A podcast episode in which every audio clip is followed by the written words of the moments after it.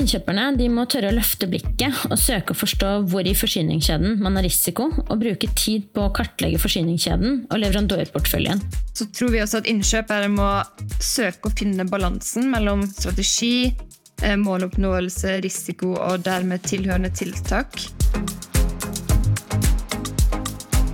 Hei og hjertelig velkommen til Anskaffelsespodden. En podkast fra advokatfirmaet Simonsen Vogtvik som tar for seg aktuelle anskaffelsesrettslige tema, for å gi deg som lytter ei faglig oppdatering av anskaffelsesretten. Ta med deg podkasten der du er, gjerne ut på tur.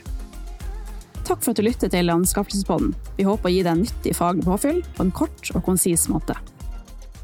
Jeg heter Nanna Christensen og jobber som advokat i Simonsen Vogtvik, hvor jeg bl.a. bistår private og offentlige virksomheter med operativ og strategisk rådgivning i alle faser av anskaffelsesprosessen.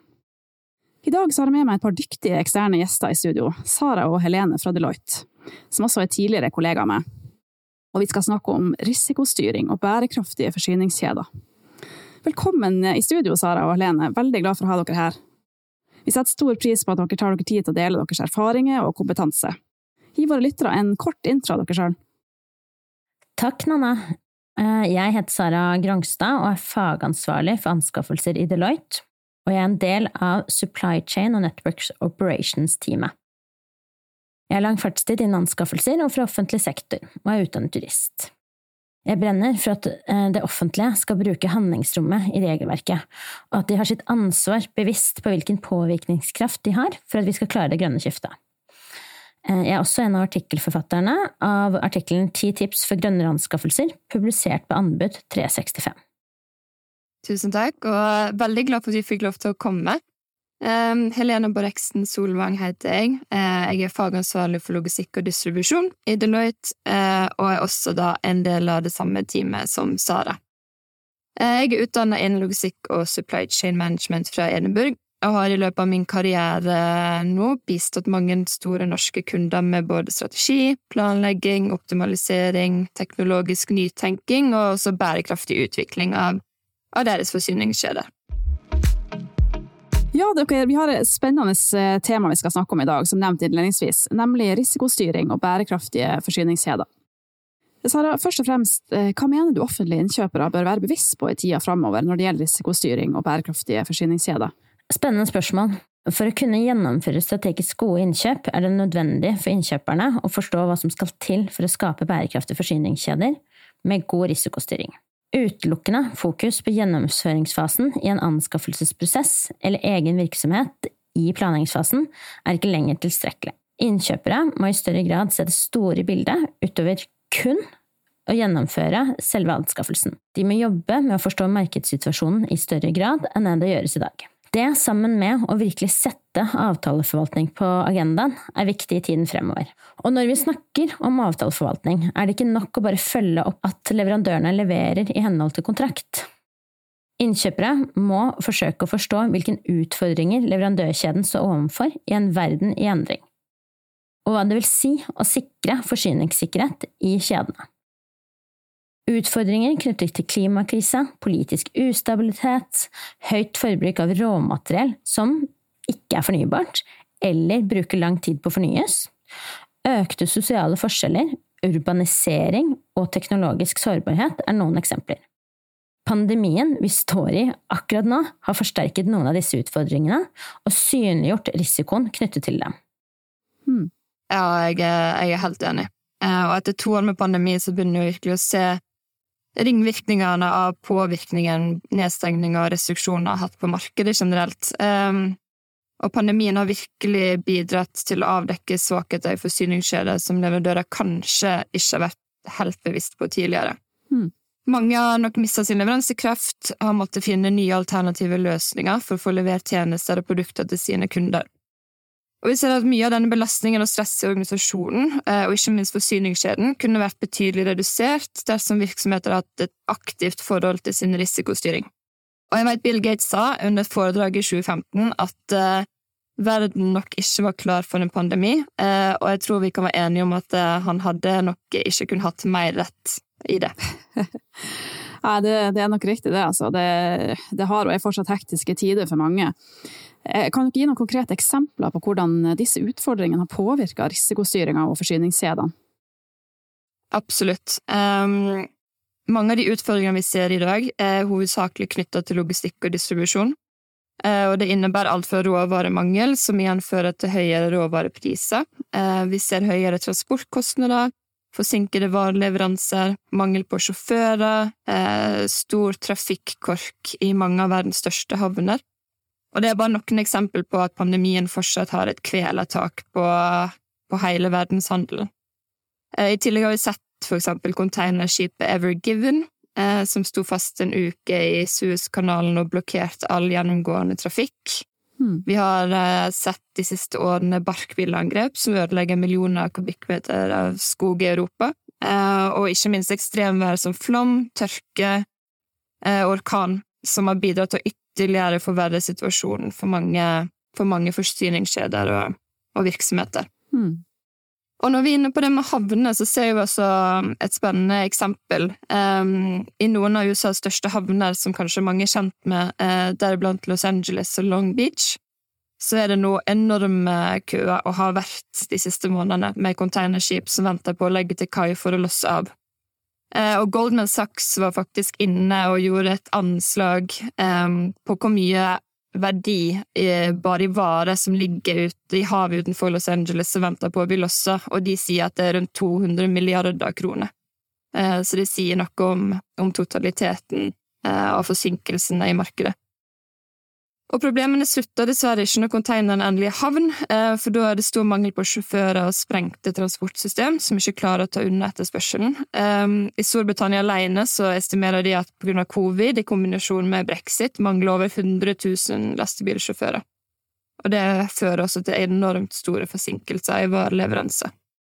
Ehm, for norske virksomheter, hvis vi skal liksom bryte ned til hva det betyr for deres innkjøpere, så betyr det at veldig mange vil nok se store forsinkelser i sine varer, og for mange minst et halvt år senere enn normalt. Mm. Så igjen betyr at mange virksomheter eh, kommer til å måtte binde mye kapital, um, og vi, må, vi, må, nok forvente at uh, en del av de utfordringene vi nå ser, vil vare et godt stykke inn i 2023. Mm. Et, bare for å sette dette i kontekst, da. Et konkret scenario. Eh, det kan være noe som er meget relevant som eh, fra helsesektoren. For eh, de må jo ha arbeidstøy for helsepersonell. Og når innkjøperne nå skal gjennomføre anskaffelser, så er det viktig at de må kunne håndtere utfordringer pandemien byr på. Det kan være forsinkelser som følge av logistikkutfordringer og nedstengning av fabrikker i Kina, eh, eller på det indiske subkontinentet, for eksempel eh, lockdown som vi har sett tidligere, eller høyt smittetrykk som vi ser nå. Kanskje eh, er også høstingen av råmateriale, bomull, rammet, dersom den er avhengig av at fremmedarbeidere som ikke kommer inn som følge av stengte grenser.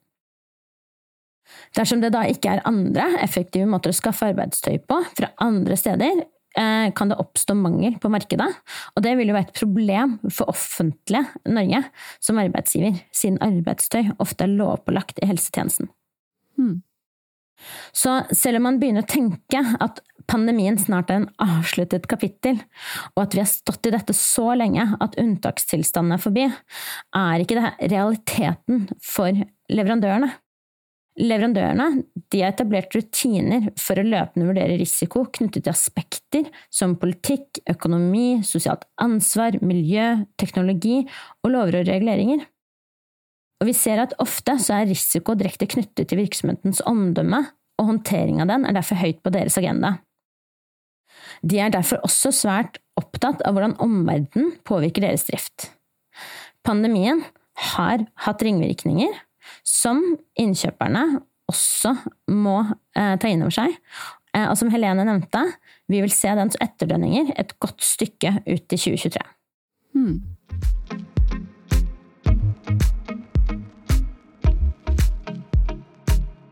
Eksempler du nevner her, Sara, det leder oss over på spørsmålet om hva som egentlig er god risikostyring. Hva mener du, Helene?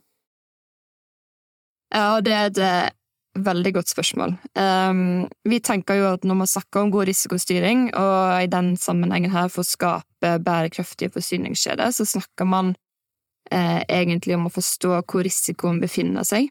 Um, så vi tenker at virksomheter må ha svært god innsikt i sine anskaffelser, sine avtaler.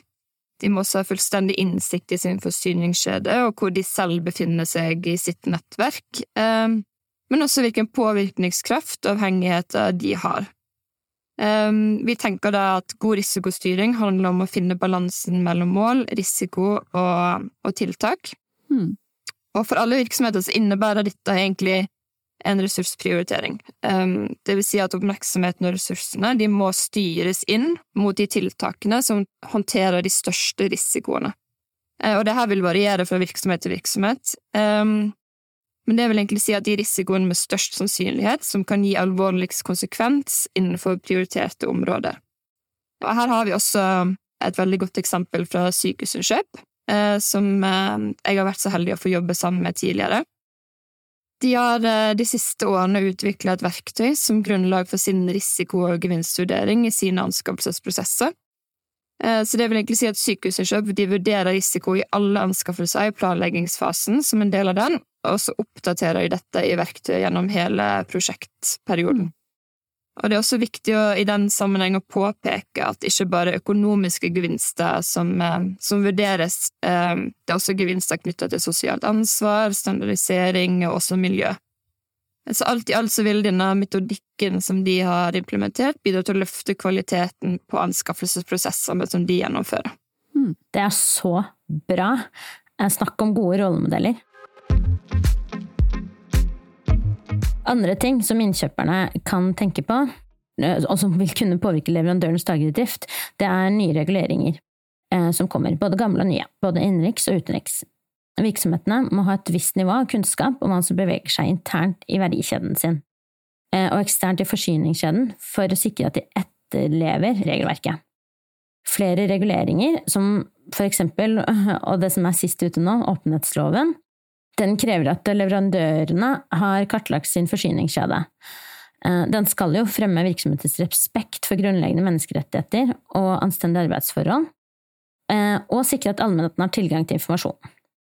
Alle omfattende virksomheter de plikter å utføre aktsomhetsvurderinger i tråd med OECDs retningslinjer for flernasjonale selskap.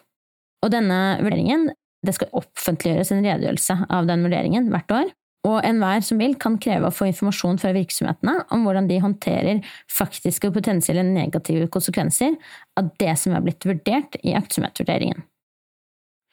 Retten til informasjon den omfatter både den generelle informasjonen om hvordan eh, virksomheten håndterer negative konsekvenser, men også spesifikk informasjon knyttet til varer og tjenester. Mm. Og denne innsikten den er jo viktig for virksomhetene for at de skal kunne skape verdi. Og da tenker vi ikke kun på verdi i form av reduserte kostnader eller økt omsetning, men verdi i form av å bli en positiv påvirker i sin forsyningskjede og ta nødvendig samfunnsansvar. Og det er nettopp denne innsikten eh, som leverandørene har i egen virksomhet og markedet generelt, som innkjøperne kan dra nytte av, både i det offentlige og så vel som i det private. Mm. Særlig i forbindelse med avtaleforvaltningen. Det har eh, tidligere vært eh, utfordringer knyttet til hvordan man skal gå frem dersom man ikke har tilstrekkelig tid og ressurser. Når man skal undersøke nærmere eh, arbeidet virksomhetene gjør, eh, f.eks. innenfor sosialt ansvar. Eh, og som nå, med den nye åpenhetsloven, vil være enkelt å få tilgang til. Hmm. Veldig bra. Jeg synes du kommer med noen gode eksempler her og perspektiver. Eh, og med det som bakteppe, hvordan tenker dere at man burde håndtere risikostyringa best mulig for å kunne skape bærekraftige forsyningskjeder? Jeg tenker litt sånn som vi nevnte innledningsvis, eh, så er det en rekke utfordringer som forsyningskjeder står overfor. Og en virksomhet er bærekraftig, og i denne sammenheng tenker vi da hovedsakelig på en virksomhet som er sunn og motstandsdyktig, eh, og ikke nødvendigvis bare miljø. Vi tenker at den er bærekraftig når den håndterer endringer i dens omgivelser, og også global usikkerhet. Eh, virksomheter må kartlegge forsyningskjeden sin, ta et aktivt forhold til risikobildet de, de står overfor, eh, sørge for at de er tilpasningsdyktige og, og kunne respondere raskt på endringer i markedet. Eh, dette ser vi er spesielt viktig i disse tidene når markedet er så uforutsigbart som det er. Og som vi har sagt om tidligere, så, så tilsier det at det vil være slik en stund fremover også. Mm. Ja, Og de bør kunne forutse til en viss grad utfordringer som kan oppstå, og ha tiltak på plass for å unngå uheldige konsekvenser av eh, utfordringene. Pandemien eh, den har jo vist oss hvor motstandsdyktige enkelte virksomheter er. De har stått i en svært krevende situasjon med høy grad av uforutsigbarhet. Og det vi ser nå, er at flere og flere, som Helene også var inne på innledningsvis, ser seg nødt til å heve prisene sine som følge av prisøkning på råvarer, transport og logistikk, samt at den globale logistikkproblemet har skapt utfordringer. Eh, I romjulen eh, så ble det jo varslet at Ikea eh, de skal ha en prisøkning på gjennomsnittlig 9% dette er en betydelig prisøkning som vil kunne påvirke din og min lommebok, men den er også viktig for at de skal kunne ha en sunn virksomhet. Innkjøperne vil derfor i tiden fremover oppleve at leverandørene ber om prisøkning som kan oppleves som høye. Og da bør man ha pandemiens utfordringer i bakhodet. Man bør derfor i større grad forsøke å gå i dialog med leverandørene for å få innsikt i deres utfordringer, og sammen med dem vurdere og treffe mulige tiltak som vil kunne bidra til å redusere risiko og minimere sannsynligheten for at de inntreffer. Hmm. I en slik dialog er det jo ikke uvant at man eh, må vurdere foreslåtte endringer opp mot avtalens rammer og skåp. Og i verste fall kan det hende at man står overfor en situasjon der eh, man ser at eh, man må tre ut av kontrakten eller la den løpe ut istedenfor å løse inn opsjonen. Altså, man står i fare for at det vil være en vesentlig endring. Hmm. I slike tilfeller tenker jeg at det uansett vil være godt at innkjøperne har vist at man har tatt leverandøren på alvor, Eh, og prøver å forstå deres situasjon, og har hatt en god dialog. Jeg tror det er kjempeviktig eh, det du sier der, Sara. Et annet eksempel på hva vi ser for oss som sagt om bærekraftig forsyningskjede, hvor godt den responderer på krav fra, fra interessenter. Og det kan være virksomhetens eiere, eh, andre deler av forsyningskjeden, eller rett og slett en, en uavhengig tredjepart. Um, en interessentene med stor påvirkningskraft, og kanskje den aller største, det er kunden. Og det er jo nettopp i denne enden at innkjøperne også ofte befinner seg. Ja, ikke sant? Og, og, det som er så rart, er at jeg, jeg, jeg ser ofte at innkjøperne de har en slags feiloppfatning om at man bare, altså med gåsehudene, er kunden, eh, og derfor maktesløs, istedenfor at vi er kunden, eh, med utropstegn, og kan påvirke leverandøren. Ja, fordi at Eh, man har faktisk som innkjøper ganske stor påvirkningskraft. Eh, og for å kunne benytte denne best mulig, så må innkjøperne ha en helhetlig tilnærming. De må forstå og ha kunnskap om forsyningskjeden innen det segmentet de gjør innkjøp, eh, og hvor modent det er. Det kan for eksempel gjøres for å danne seg et bilde av trenden i markedet, gjennom dialog med leverandører. Dersom man for eksempel er opptatt av sosialt ansvar, så er det viktig å tydelig kommunisere hvilken retning man ønsker at leverandøren skal utvikle seg i, og hvilken påvirkning man ønsker at leverandøren skal ha på sin forsyningskjede. Hmm. Eh, vi tror også at for å lykkes som innkjøper fremover, så vil evnen til å tilegne seg ny kunnskap, og ikke minst dele kunnskap, være avgjørende. Eh, det skjer en enorm digitalisering av virksomheter, og da også innkjøpsfunksjonen, og det til sammen vil tilgjengeliggjøre mye av kunnskapen som virksomhetene sitter på. Um, da vil man som innkjøper lettere kunne tilegne seg detaljert informasjon om bedriftens risikobilde og forsyningskjede på en helt ny måte. Um, men det er også viktig, tror vi, uh, å aktivt delta i kunnskapsnettverk, uh, og da tenker vi på kurs, konferanser, andre relevante møtepunkt, frokostseminar, sånne ting. Hmm. Både på kunde- og leverandørsiden.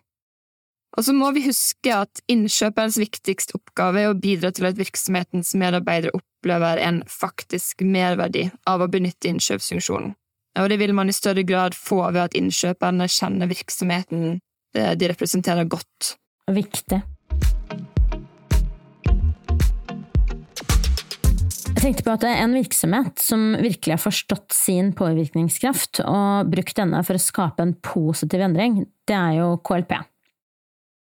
De har gjennom flere år jobbet med shippingselskap og andre relevante selskap eh, hvor KLP har investert i, med spørsmål om retningslinjer og praksis for ansvarlig skraping av båter. Eh, de så at dette var et område der det var høy grad av uansvarlig håndtering, eh, som ville kunne ha store ringvirkninger på miljø og føre til større utslipp. Og de besluttet derfor eh, å begynne å jobbe med selskapene og ta det tøffe valget om å utelukke selskaper som fortsatte å skrape på uforsvarlig vis. KLP de brukte påvirkningskraften sin for å hindre alvorlig miljøskade ved at skip ble opphugget på strender, og ved å sikre bedre lønns- og arbeidsvilkår for arbeiderne. De satte dette arbeidet på agendaen internt, og de har faktisk brukt mye tid og ressurser for å oppnå gode resultater. Mm. Andre gode eksempler på eh, gode rollemodeller som har satt klima, miljø, sosialt ansvar på agendaen og tydelig kommuniserte til leverandørmarkedet, det er Oslo kommune og Lillestrøm kommune. Deres strategier kan man lese på deres nettsider, jeg anbefaler alle å ta en titt. Så vil jeg også gå over til det som kanskje blir vårt siste hovedpoeng, og som jeg ønsker å nevne kort, men det kan ikke bli sagt mange nok ganger, og det er hvor viktig dialog faktisk er. Særlig med leverandørene. Men det kan også være mellom offentlige virksomheter. Erfaringsutveksling er kjempebra. Anskaffelsesregelverket har noen klare rammer for hvordan leverandørdialog kan foregå i planleggings- og gjennomføringsfasen av anskaffelser. Men når avtalen er inngått, er det lite som begrenser den dialogen. Det er mye kunnskap som går tapt ved at innkjøpere ikke har tida eller setter av tid til å slå an en prat med leverandøren om hva som beveger seg på markedet. Ja, jeg er helt enig. Uh, og offentlig innkjøp ser vi gang på gang er skikkelig flinke på å gjennomføre anskaffelser og bruke og ta seg god tid eh, på planlegging. Men avtaleforvaltningen, den eh, ser vi at den trenger et skikkelig løft. Eh, ofte kan man være i gråsonen på om manglende avtaleoppfølging egentlig er en vesentlig endring. Hmm. Jeg er også helt enig i det dere sier, og dialogadgangen som dere nevner her til sist, er jo utrolig viktig, både vidt før, under og etter konkurransefasen. En eh, effektiv anskaffelsespraksis forutsetter jo gode rutiner for kontraktsforvaltning fra oppdragsgivers eh, side. Ja, som du er inne på, Helene, så er det jo fastslått i praksis at mangelfull håndhevelse av kontraktsmislighold etter omstendighetene kan anses som en eh, vesentlig endring som, som da utgjør en ulovlig direkteanskaffelse. For det er jo slik at oppdragsgivere har plikt til å benytte misligholdsbeføyelsene, og kontraktsbrudd skal dermed sanksjoneres overfor leverandørene. Dette er for øvrig tema i Anskaffelsesbåten episode fire, så jeg skal ikke gå nærmere inn på det her nå, men jeg anbefaler de som er interessert og ennå ikke har hørt episoden, om å lytte til den.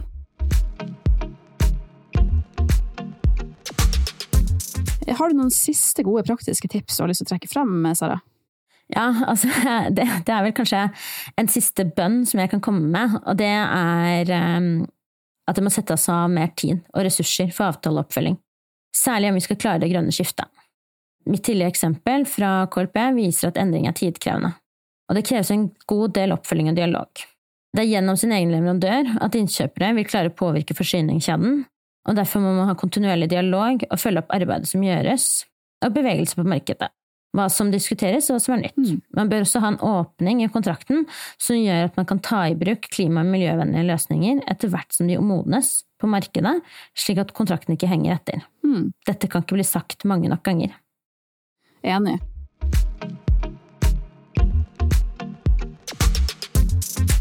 Sara og Lene, det var det vi rakk eh, for i dag. La oss ta en kjapp oppsummering av hva dere mener er de viktigste suksesskriteriene for å lykkes som innkjøper, eh, altså da med fokus på risikostyring og bærekraftige forsyningskjeder. Eh, jeg tenker at Innkjøperne må tørre å løfte blikket og søke å forstå hvor i forsyningskjeden man har risiko, og bruke tid på å kartlegge forsyningskjeden og leverandørporteføljen og deretter identifisere mulige risikoer i anskaffelser og innkjøp. Ja, absolutt. Eh, og så tror, tror, vi også at innkjøpere må søke å finne balansen mellom strategi, eh, måloppnåelse, risiko og dermed tilhørende tiltak. Eh, et godt tips er å rette fokuset mot de største risikoene, vil si høyest sannsynlighet og høyest konsekvens, Prioriter deretter ressurser og styr disse inn mot gjennomtenkte og omforente tiltak. Så må ikke vi glemme at en innkjøper er en verdiskaper, og at verdiskapning best skjer på tvers av og i samspill med andre deler av virksomheten. ikke isolert i innkjøpsfunksjonen. Så det, det tenker jeg er viktig å få med. Absolutt. helt enig. Og innkjøperne eh, de vil jo stå overfor en krevende situasjon fremover.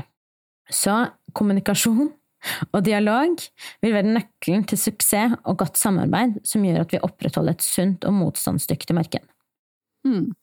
Helt enig. Supert. Da eh, runder vi av. Takker for oss. Sara og Helene, tusen takk for deres bidrag i denne episoden. Jeg håper og tror at mange av våre lyttere der ute har fått god innsikt og praktiske tips om risikostyring og bærekraftige forsyningskjeder, og hva offentlige innkjøpere bør være bevisst på framover. Bare hyggelig, og tusen takk for at vi fikk komme, Nanne. Ja, tusen takk for oss.